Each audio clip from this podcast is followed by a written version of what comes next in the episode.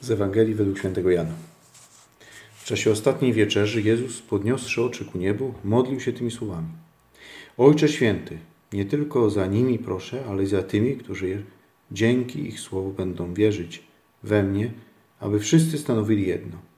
Tak Ty, Ojcze, we mnie, a ja w Tobie, aby i oni stanowili w nas jedno, aby świat uwierzył, że Ty mnie posłałeś.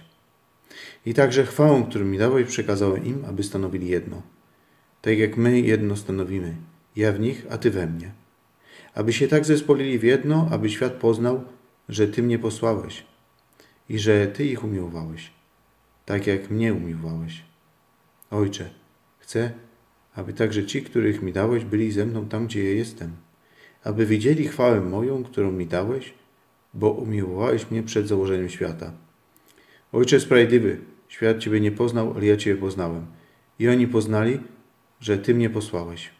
Objawiłem im Twoje imię i nadal będę objawiał, aby miłość, którą Ty mnie umiłowałeś, w nich była, a ja w nich.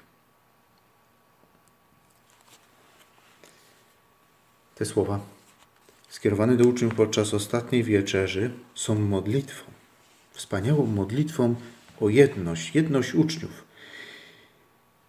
Jako znak i wszystkich chrześcijan. Pan Jezus modli się też, też za tych, za nas, za tych, którzy dzięki ich słowu wierzyć będą. Ta jedność jest znakiem obecności Boga. Jest warunkiem rozpoznania autentyczności wiary. W credo wyznajemy naszą wiarę w jednego, w jednego Boga.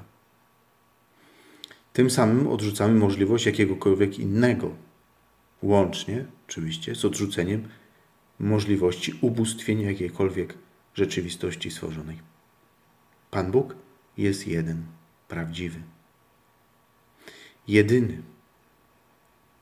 Także w naszym życiu praktycznie i na co dzień jest to oczywiście zadanie naszego uświęcenia. I Duch Święty, działając w naszej duszy, to zjednoczenie z Bogiem realizuje. To Duch Święty sprawia, że rzeczywiście Bóg jest Bogiem jedynym. Dzięki Niemu nasze pragnienia, aspiracje, plany mają odniesienie ku Bogu. I to On gwarantuje ich sensowność, ich wartość, ich konkretnie poszczególnych, ale także całości naszego życia. Ma to oczywiście też ogromne znaczenie w życiu społecznym, wspólnotowym.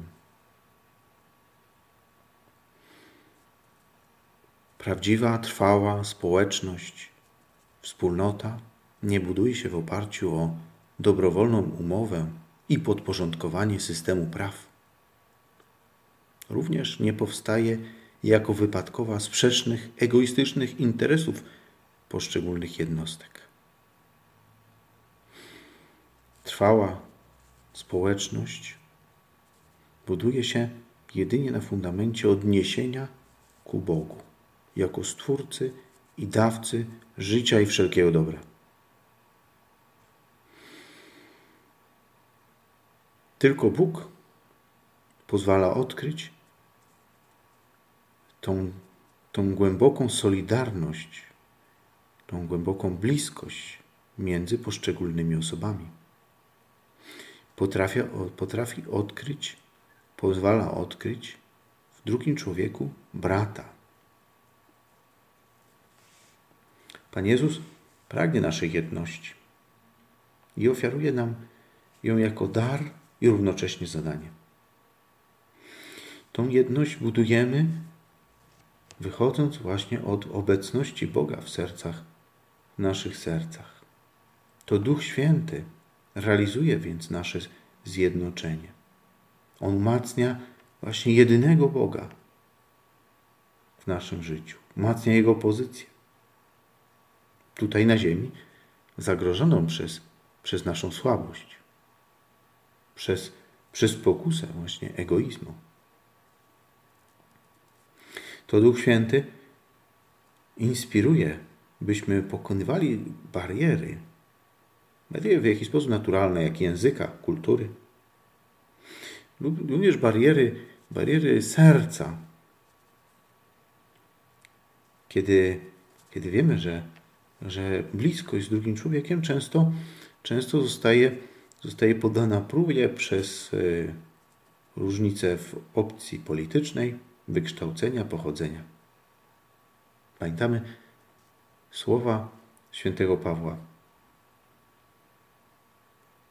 Nie masz Żyda ani Greka, nie masz niewolnika ani wolnego, nie masz mężczyzny i niewiasty, albowiem wszyscy wy jednym jesteście w Chrystusie Jezusie.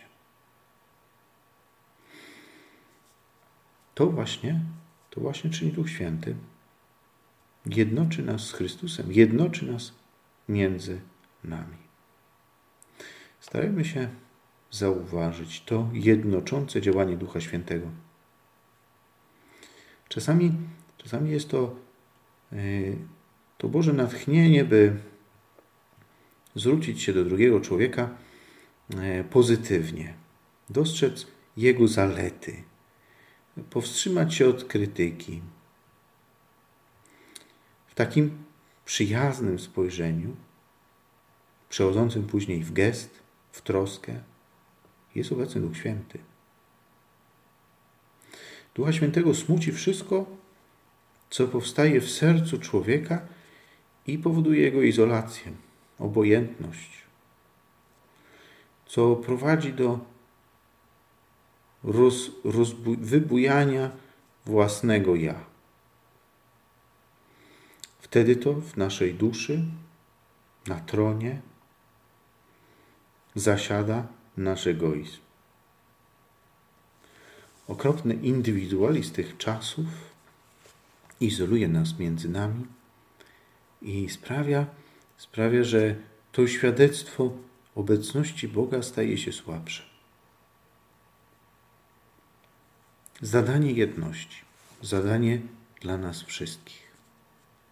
Zadanie, które rozpoczyna się w naszej modlitwie, w naszej uległości wobec Ducha Świętego, który nas prowadzi ku jeszcze głębszemu zjednoczeniu, który nas wyzwala, no właśnie, indywidualizmu, izolującego nas w własnych interesach, ostatecznie unieszczęśliwiającego nas w właśnie tym krótkim i płonym szczęściu egoisty.